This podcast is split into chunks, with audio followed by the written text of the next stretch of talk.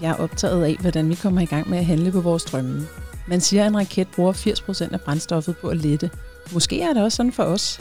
Jeg har inviteret en række gæster i studiet for at blive klogere på, hvordan de har taget skridtet fra idé til handling.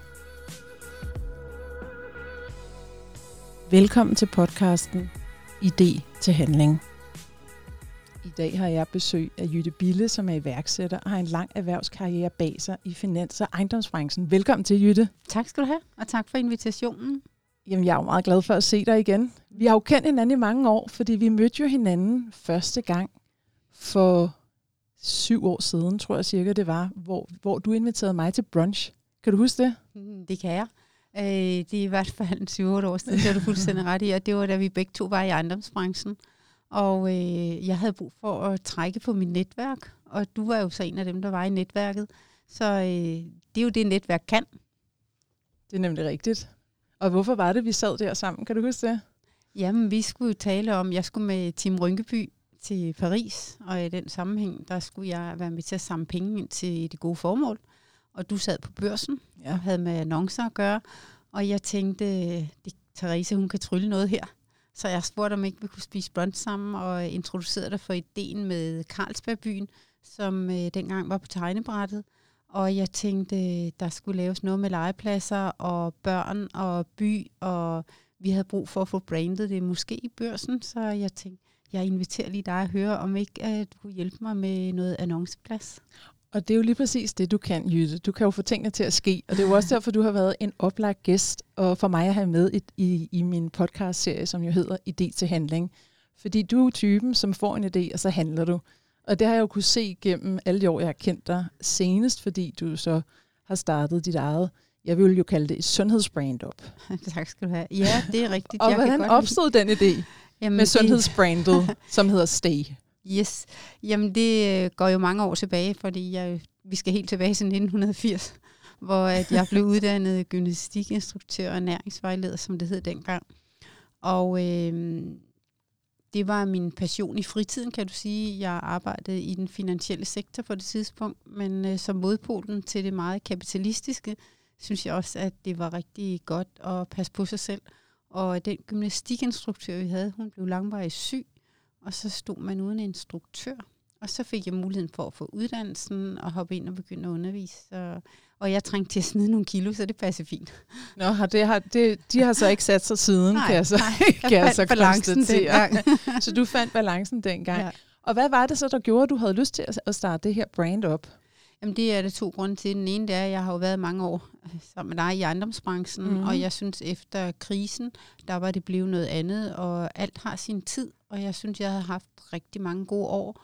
Og øh, som sagt, i min fritid har jeg jo så undervist i motion og ernæringsvejledning i over 30 år. Og jeg synes, branchen de sidste 20 år har udviklet sig til, at vi bliver mere vildledt, end vi bliver vejledt. Ja. Plus at vi skulle tage simpelthen så mange forskellige tilskud, hvis vi skal lytte til alle de gode råd. Mm-hmm. Så øh, jeg tog en rundspørg i ejendomsbranchen, øh, hovedsageligt blandt mændene, Ja. for at høre, hvad kan få dig til at gøre noget ekstra for din sundhed. Og det var meget entydigt fra mændene. Øh, det skal være nemt og enkelt. Det skal være alt på én gang. Det skal være en gang om dagen. Det skal være lige så nemt som at børste tænder, altså klaret på to minutter. ja. Og så skulle det være et månedssæt, hvis jeg ville gøre mig håb om at få fat i mændene. Og jeg tænkte, de passer faktisk på os alle sammen. Vi mm. har Mhm. alle sammen travlt. Vi vil gerne passe på vores sundhed, men det skal være nemt, enkelt og effektivt. Så øh, det var der, det startede tilbage i 2013-14. Så det var egentlig sideløbende med, at du havde dit eget firma, Jytte Bille Erhverv, mm. Mm. hvor, du, hvor du handlede ejendomme og, Yes. og rådgav inden for erhvervsejendommen. Mm. Mm. Så stille og roligt startede du det op så småt der ved siden af med din lidt research og lidt øh, produktudvikling også, eller hvordan? Ja, det må man sige, fordi nu har jeg jo ligesom fået lavet min egen undersøgelse om, hvis jeg skulle gøre noget, øh, hvilken form skulle det så have. Altså det skulle være et all-in-one. Øh, så begyndte jeg at undersøge, om det fandtes. Det gjorde det ikke. Mm. Mm. Og så tænkte jeg, så må jeg jo samle et team omkring mig, fordi jeg har jo ikke forstand på at lave formuleringer. Og øh, hvordan kunne jeg nu finde dem? Jamen, mm. Så er det jo noget med igen at aktivere det andet netværk, jeg havde fra øh, Kost og Motion og øh, finde nogen omkring mig, som dels kunne hjælpe mig med selve formuleringerne, og dels øh, kunne hjælpe mig med at få fat i nogle ingredienser. Mm. Og øh, det var ikke så nemt. Et var, hvad jeg kunne tænke mig, men øh, der gik lige tre år med, før den sad i skabet. Og, øh. Jeg hæfter mig egentlig ved en ting, fordi nu siger du det her med, at du havde et netværk inden for kost og motion også. Mm. Og det er jo det, som jeg egentlig mange gange, når jeg laver workshops, så, så missionerer jeg lidt det her budskab med at, at netværke bredt. Fordi man ved aldrig, hvornår man egentlig får brug for det. Så hvis man samler på gode relationer, så ved man aldrig, hvornår man egentlig får brug for informationer, eller support, eller sparring, eller hjælp, eller, eller hvad det nu måtte være. Så, så du har jo egentlig haft de her, det her netværk sideløbende med dit arbejde, som ikke egentlig på den måde har været åbenlyst i forhold til, hvad du kunne tjene penge på i, i dit daværende erhverv inden for erhvervsejendom. Men du har alligevel holdt fast ved at have et bredt netværk, der var repræsenteret i mange brancher. Øh, jeg vil sige noget af det, jeg har lært alle, der har spurgt mig, hvordan jeg kan være i både ejendomsbranchen, men også nu i sundhedsbranchen, det er din netværk, netværk, netværk. Mm.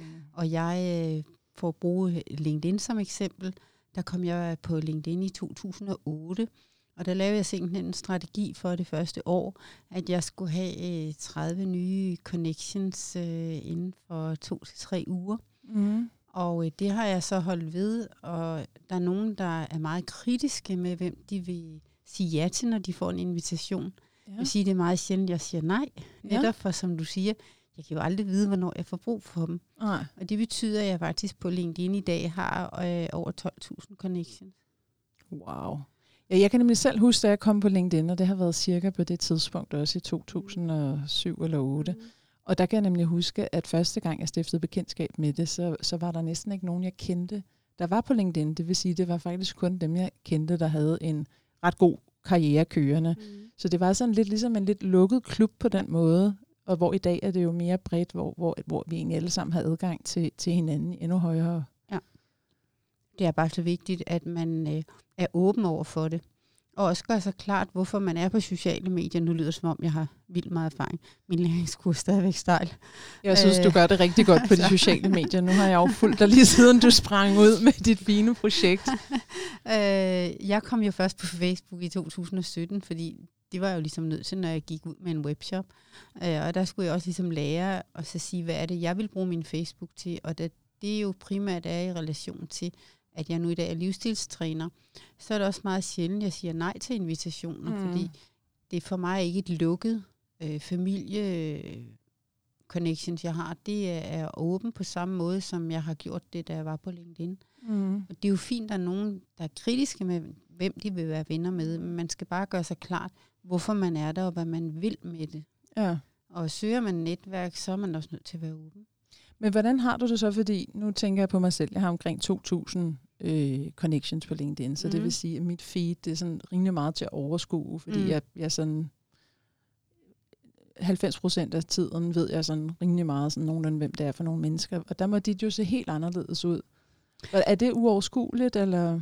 Altså, jeg vil sige nu her, øh, efter jeg har været i Løvens Hule, hvor der er kommet rigtig meget gang i stay, ja. der har jeg en pige, som er ansvarlig for sociale medier, for så vidt Instagram og Facebook på stay. Mm. Så jeg, du kan sige kun skal tage mig af mit personlige på Instagram mm. og Facebook og på LinkedIn. Ikke? Så jo, på den måde har jeg uddelegeret noget af det. Mm. Hvordan var, altså nu, nu nævner du Løvernes Hule, mm. og jeg så jo afsnittet, og synes, du klarede det afsindig godt. Tak. Øh, hvordan, hvordan, fik du, hvordan opstod ideen om for dig at komme i løvernes hule? Var det noget, du, hvad var din strategi omkring det? Jeg havde bestemt ikke nogen strategi. jeg blev faktisk spurgt tilbage i 2018, om at jeg havde mulighed for at deltage. Der takkede jeg nej. Så øh, blev jeg spurgt igen i 19, og så tænkte jeg, at denne gang var timingen måske bedre. Ja. Så jeg vil godt lige tænke mig om. Men mm. igen, når vi siger netværk, så var jeg til et netværksmøde om aftenen, hvor der sad nogen som øh, inden fra mediebranchen, og så øh, tænkte jeg, at spørge dem lige til råds om, er det her, øh, er det nu, jeg skal gøre det? Er det en god idé? Og der har jo aldrig været kosttilskud ind i Løvens Hule før. Mm. Så, men øh, da de anbefalede mig at gøre det, så tænkte jeg, okay, jeg hopper ud i det. Ja. Og de var jo også vilde med dig. Jamen, og de var, var jo også vilde. Det eneste, de manglede, var den her dokumentation. Ja. Og hvad, hvad tænker du omkring det? Øh, fordi det er jo egentlig også interessant, det her med, at, at, øh, at du skal stå på mål for, for de her ting, som egentlig er svære at dokumentere. Mm. Jamen, øh, punkt et, så var jeg glad for, at udsendelsen viste den gode stemning, der var, for der var en mm. god stemning ja. hele vejen. Og det næste er, at de beder om, om der er kliniske test, eller der er en læge med.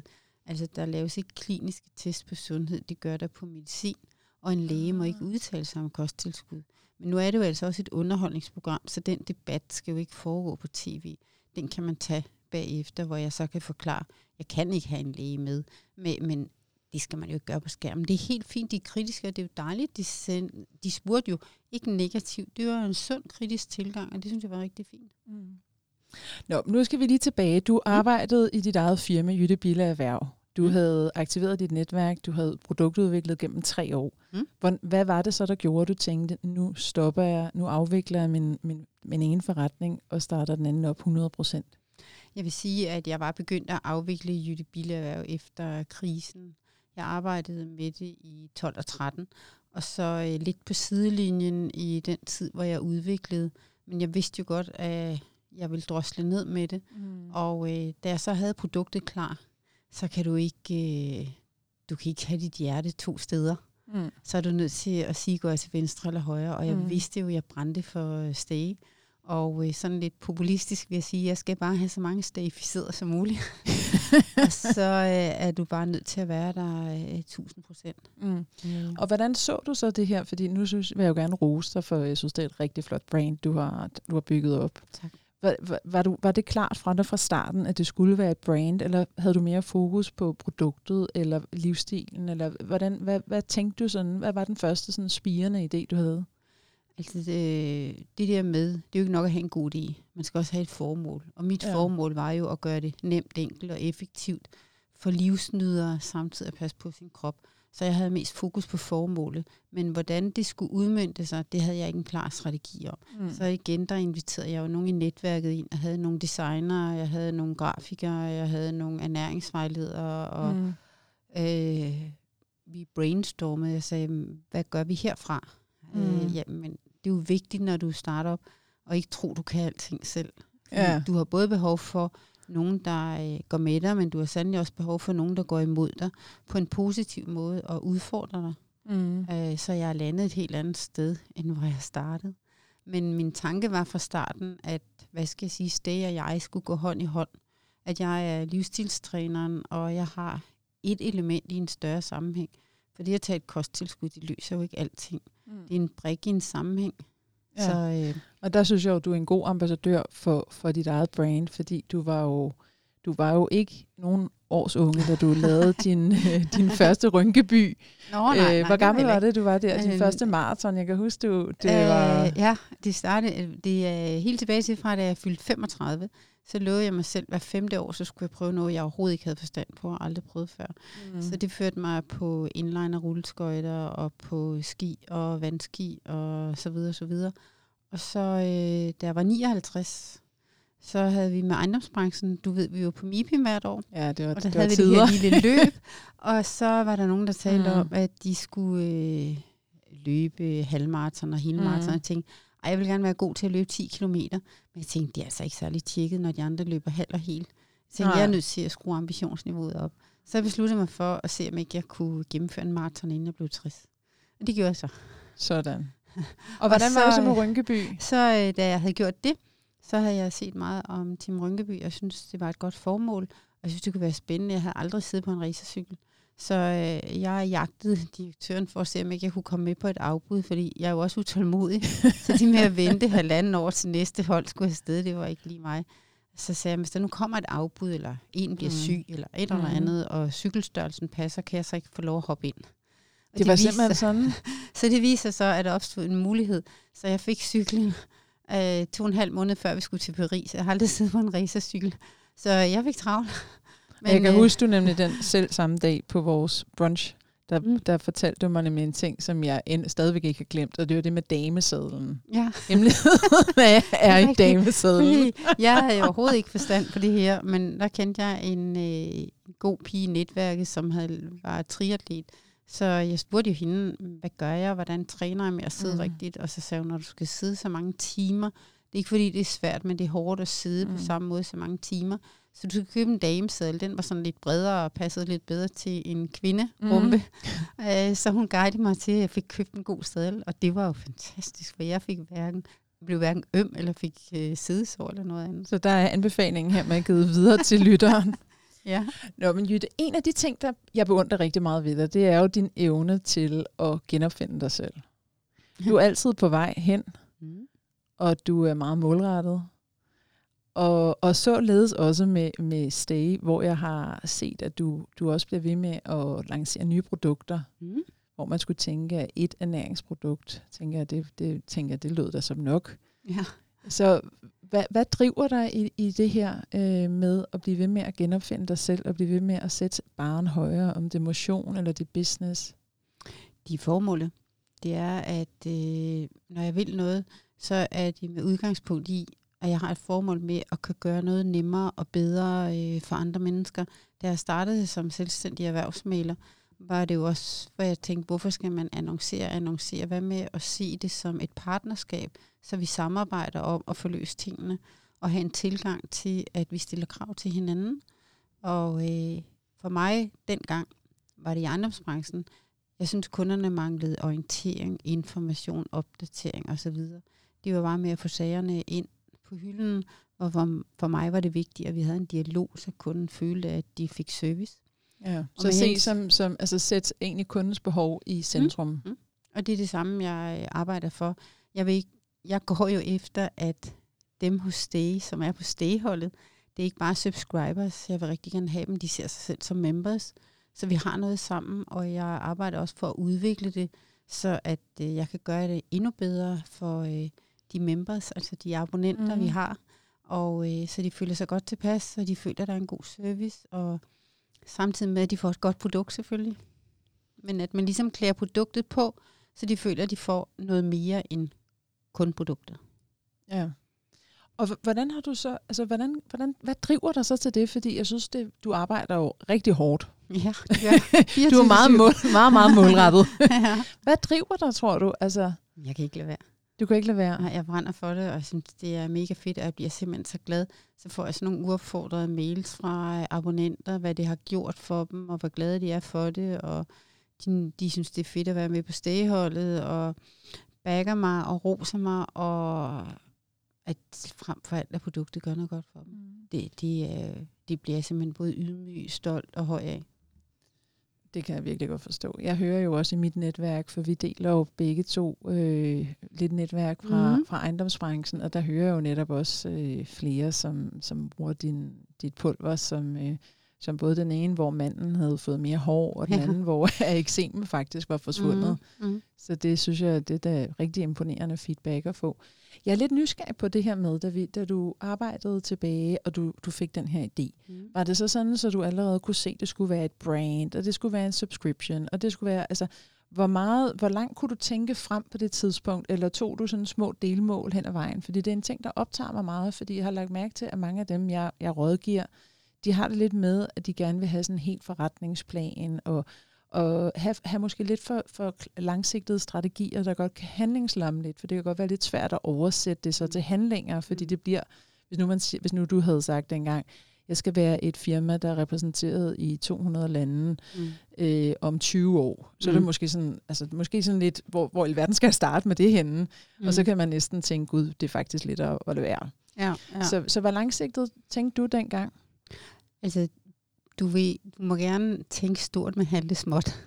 Den er helt vild med den Og der. det ja. er alfa og omega, og så skal man være tålmodig, og man skal simpelthen holde læsen i sporet, for selvfølgelig er der rigtig, rigtig mange bump på vejen. Og selvom jeg nu er gået fra at være en lille bitte startup til mm. at være en lidt større startup, så bliver der jo ved med at være bump på vejen. Mm. Og dem skal man selvfølgelig kunne fagne, så tænk stort, men handel småt, Ja. og så være tålmodig. Fordi Mhm. der er nogle enkelte, som lige øh, rammer et hul i markedet og Mhm. bliver rige på kort tid. Men jeg tror også, en anden del af det, det er, at det ikke er pengene, der driver mig, men Mhm. formålet. Selvfølgelig vil jeg gerne have en løn, selvfølgelig vil jeg gerne tjene penge, men jeg er drevet af formålet. Mm. Og det jeg ser er også, at du, du går rigtig meget ligesom mig. Vi er jo begge to meget nysgerrige mennesker. Mm. Mm. Og jeg ser også, at du går rigtig meget også ud til, til events, både, mm. øh, både konferencer og foredrag og netværksarrangementer. Og, og hvad, hvad skyldes det? Gjorde du i det i lige så høj grad før, eller er det noget, du er mere begyndt på nu, hvor du, du har et mere kon- kon- konkret produkt? Du Ej, det- skal, Det har jeg altid gjort, øh, og det er jo igen, som vi talte om indledningsvis, netværk, netværk, netværk. ja. Og komme ud og møde mennesker, øh, ligesom når du connecter, så kommer du altid ud og møder nogen, og du ved aldrig. Lige pludselig så er der sådan et eller andet, hey, det der, det kunne vi måske udvikle sammen, eller ja. jeg kender den, skal jeg ikke sende dig videre til den? Og, og så synes jeg, at det er spændende at komme ud og mærke pulsen, og hvad der sker, og så er det jo også en god anledning til at tale om, hvad man laver. Men det er, jo, altså, det er jo sjovt, fordi det er netop en af de her citater, som jeg, jeg selv ynder at bruge, hvor jeg plejer at sige, du ved ikke, hvad du ikke ved. Nej. når det kommer til at netværke. Mm-hmm. Fordi det er netop der, når du kommer ud, og du nogle gange får, bliver, bliver sat i en situation, hvor du møder nogle mennesker, du aldrig ville have mødt i andre Mhm. mm. sammenhænge. Du vil aldrig have googlet dig til, hvad de egentlig siger. Og lige pludselig går det op for dig, at det, de siger, faktisk er noget, som du enten selv kan have gavn af, eller en i dit netværk kan have gavn af. Mm. Øh, Og det er jo det, både det at være nysgerrig, men også være open-minded og positiv, ja. Ja. og ikke øh, være bange for at tale med nogen, man ikke kender. Jeg tror, den første, den største faldgruppe, en del gør, det er, når de kommer ud til konferencer, så søger de hen hos dem, de kender. Ja. Der er jo trygt. Øh, det er i Mm. komfortzonen, men øh, det er jo også meget hyggeligt, men dem kan man jo altid ringe til at mødes med. Det er jo vigtigt at prøve at bytte visitkort. Ja. Øh, jeg har stadigvæk gammeldags visitkort med. Jamen, det har jeg også. det skammer jeg mig heller ikke over. Nej, nej. Jeg tror måske, de får øh, øh, kommer tilbage, fordi det var en nem måde frem for, at man kan ikke lige huske, hvem var det nu lige, og mm. hvor Mm. var vedkommende. Mm. Så øh, ja, det bruger jeg stadigvæk. Jamen, det gør jeg altså også, og Mhm. det synes jeg også andre gør. Så Mm. det, det tænker. Men jeg tænker også, at vi begge to er privilegerede på den måde, at vi jo var en del af ejendomsbranchen i så mange år, hvor at det vil jeg virkelig rose ejendomsbranchen for, at hvis der er en ting, som de formår, så er det virkelig at netværke Mm. hver dag. Og det er fordi, de ved, at, at de, de ved, at de aldrig ved, hvor den næste opgave kommer Mm. fra. Og Mm. derfor er de faktisk rigtig gode til at være helt åbne, fordi de ved, at der, der kan komme en uventet information når som helst, hvor som helst fra. Mm. Og det synes jeg egentlig er ret unikt ved ejendomsbranchen. Jamen, det er det. Altså, det var det samme, da jeg øh, kom ind i byggesocietetet, som jeg gjorde helt tilbage i 89, da jeg blev selvstændig erhvervsmaler. Det var i høj grad af og med mit netværk. Jeg drev min virksomhed i så mange år. Det Ja. var jo gennem mit netværk, jeg lynhurtigt fik opbygget i byggesocietetet. Ja. Og hvis, nu kan man sige, den uindvidede lytter byggesocietetet, kan du lige sætte et par ord mere på, hvad det er? Ja, det er jo en unik forening for alle, der har en interesse i en mursten, kan du sige, har et fællesskab og et netværk. Det er jo enten det er projektudviklere, banker, kreditforeninger, øh, ingeniører, arkitekter, øh, formidlere og rådgivere. Det er jo alle, der mødes der på tværs af branchen. Det er jo ret unikt ved, at det ikke er en brancheorganisation, men en tværfaglig forening. Ja. Det findes jo kun den ene af sin slags i branchen. Ellers så er det jo fagspecifikt. Ja, og det er jo netop det, der er tanken inden for ejendomsbranchen. Der er de jo meget bevidste om, kan man sige, den her, hvis man kunne kalde det en fødekæde med, at der er arkitekter, der er advokater, der er ejendomsbesiddere, der Mm. er developer, der er jo en, en masse mennesker, der, der er involveret mere eller mindre alle sammen Mm. i, i, i mange projekter, mm. som jo gør, at de, de føder hinanden med opgaver. Ja. Så det, det tænker jeg også er ret unikt. Øhm, hvordan er det så i dag? Hvordan, hvordan øh, altså, hvor mange medarbejdere har du, og hvordan er din, fordi nu tegnede jeg lige faktisk for sjov øh, dit organisationsdiagram hjemmefra, hvor jeg så prøvede sådan at skrive, du ved, produktudvikling mm-hmm. og Mhm. SoMe, og, og Mhm. mange af de her ting, logistik, distribution, salg, hvor man kan sige, at der er jo mange af de her øh, ansvarsområder, som jeg tænker, du, der måske har været der lidt fremmed, da du startede. Oh yes. Hvordan, øh, kan du ikke sætte et par ord på det? Fordi jeg tror, at der er mange, der, der er vant til, altså nu kan jeg jo også tale for mig selv, i Mm. mine mange års dagblad Børsen, så hvis jeg skulle have en marketingkampagne skudt i gang, så gik jeg op til marketing, og så Ja. sagde jeg, at det skal være det her budskab, og sådan og sådan og sådan. Ja. Og så gik de i gang med at skrive noget tekst, og de gik i gang med at finde et billede, og fandt ud af format og forskellige ja. ting. Der var mange ting, som jeg egentlig slet ikke behøvede at bekymre mig om. Ja. Og der kan jeg jo se, når jeg nu er selvstændig, så det her med, at man skal, man skal tænke på sådan, du ved, hvordan styrker jeg brandet, hvordan, hvad skal jeg kommunikere, og, øh, der, der er jo rigtig mange ting, man skal det visuelle, det grafiske. Der er jo rigtig mange ting, man, man lige pludselig, som ikke er givet på forhånd, når man er selvstændig. Mm. Hvordan, hvordan har det været for dig? Er der, er der nogle af de her roller, som, øh, som du kunne have fundet på at søge som job, hvis nu du ikke skulle være selvstændig? altså sådan noget som logistik, eller er der noget, hvor du sådan tænker, gud, det er egentlig meget mere interessant, end jeg egentlig havde, havde forventet, eller det må jeg betale nogen for at lave? Uh, jeg vil sige, at det, jeg brænder for, det er jo, sådan er det jo for os alle sammen, det vi brænder mest for, det er også det, vi er bedst til. Og sådan, ja. sådan har jeg det stadigvæk. Men helt fra starten, det er jo det igen netværk. Uh, jeg fik nogen, der kunne designe mit website, kunne designe mit logo, kunne hjælpe mig med farver og fond. Jeg havde et firma, der hed Genicop i Aarhus, som stadigvæk hjælper mig.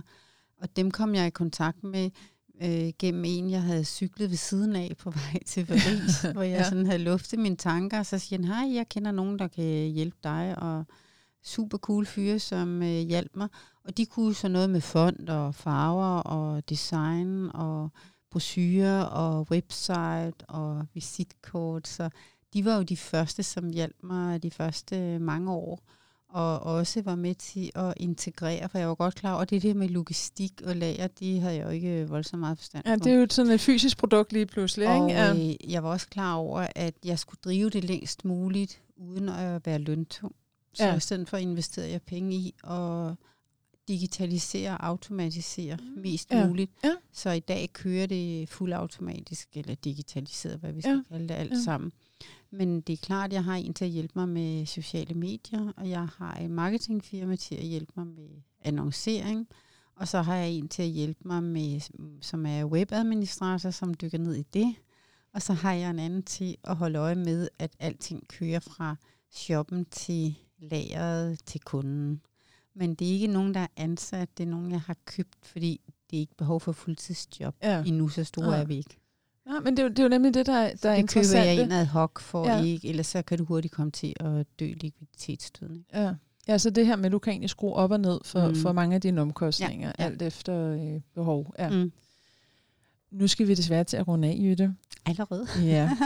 Og jeg vil høre, hvad er dit bedste bud til lytteren, der sidder derude med en lille spirende idé, og som måske gerne vil i gang med at handle? Mm. Hvad, hvad tænker du? Jeg tænker, en idé, det er simpelthen ikke nok. Det er rigtig dejligt at have den, men det er meget, meget vigtigt at gøre sig klart, hvad er formålet. For det er formålet, det er det, der bærer dig, det er det, der kommer til, at du brænder for det, så er du klar til at tage de bump på vejen. Og så skal man tage sine tre T'er med sig, og gøre sig klart, at man tror på det virksomhedssetup, man laver, man tror på produktet, og man tror på sig selv. For det kan mærkes over for dem, der skal byde ind. Og kan man det, så er man også klar til at tage de bump på vejen. Og endelig sammen nu nogen omkring dig, der både kan støtte dig og udfordre dig. Lad være at walk alone. Den bliver lige nødt til at spørge til den sidste, mm. med at støtte dig og udfordre mm. dig. Hvordan gør du det? Jamen det er, at jeg samler nogen omkring mig, som ikke nødvendigvis er enige med mig, men, men øh, ligesom da jeg har været formand og har været chef før, så har jeg sagt, vi skal ikke se ens på det, men det er virkelig vigtigt, at vi ser i samme retning. Den var god. Så hvordan gør du det? Har du et advisory board, en bestyrelse? Er det noget har... formaliseret fast sparring, du har? Hvordan gør du? Det gør jeg ad hoc, fordi som du sagde før, man skal ikke lægge 20 års planer, man må gerne tænke stort, men handle småt. Jeg har haft et advisory board, som jeg så havde en 28 måneder, så er virksomheden et andet sted. Nu er jeg ved at samle nogle andre, som jeg tænker måske skal være der i tre måneder, og så øh, ser vi, hvor er vi så der. Så du hele tiden bliver aktionsorienteret og ikke bliver handlingslammet. Okay. Og hvordan rekrutterer du sådan et advisory board? Netværk. Netværk. og hvor ofte mødes I så? Jamen, øh, det er lidt afhængig af, hvor uh, Sted er. Nu er Sted jo et andet sted her en måned efter løvens hule. det kan jeg forestille mig. Uh, så det er måske en gang hver tredje måned. Uh, der kan også komme en periode, hvor vi er nødt til lige at ses en gang om måneden. Men ellers kan du sige, så er man jo ikke længere væk fra en anden telefonopringning. Det er ikke så formelt. Og hvor mange er der i det der vejsøbord? Der er tre. Tre. Mm. Og det er det, du har erfaring med, der virker godt. Øh, det gør det lige nu, fordi det er nogle andre kompetencer, end da jeg havde fire øh, sidste år.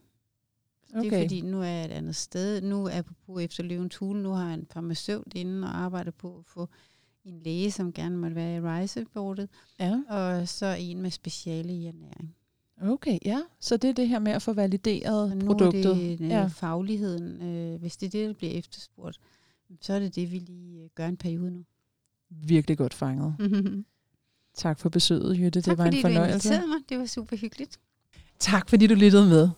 Jeg håber, du fandt vores samtale inspirerende.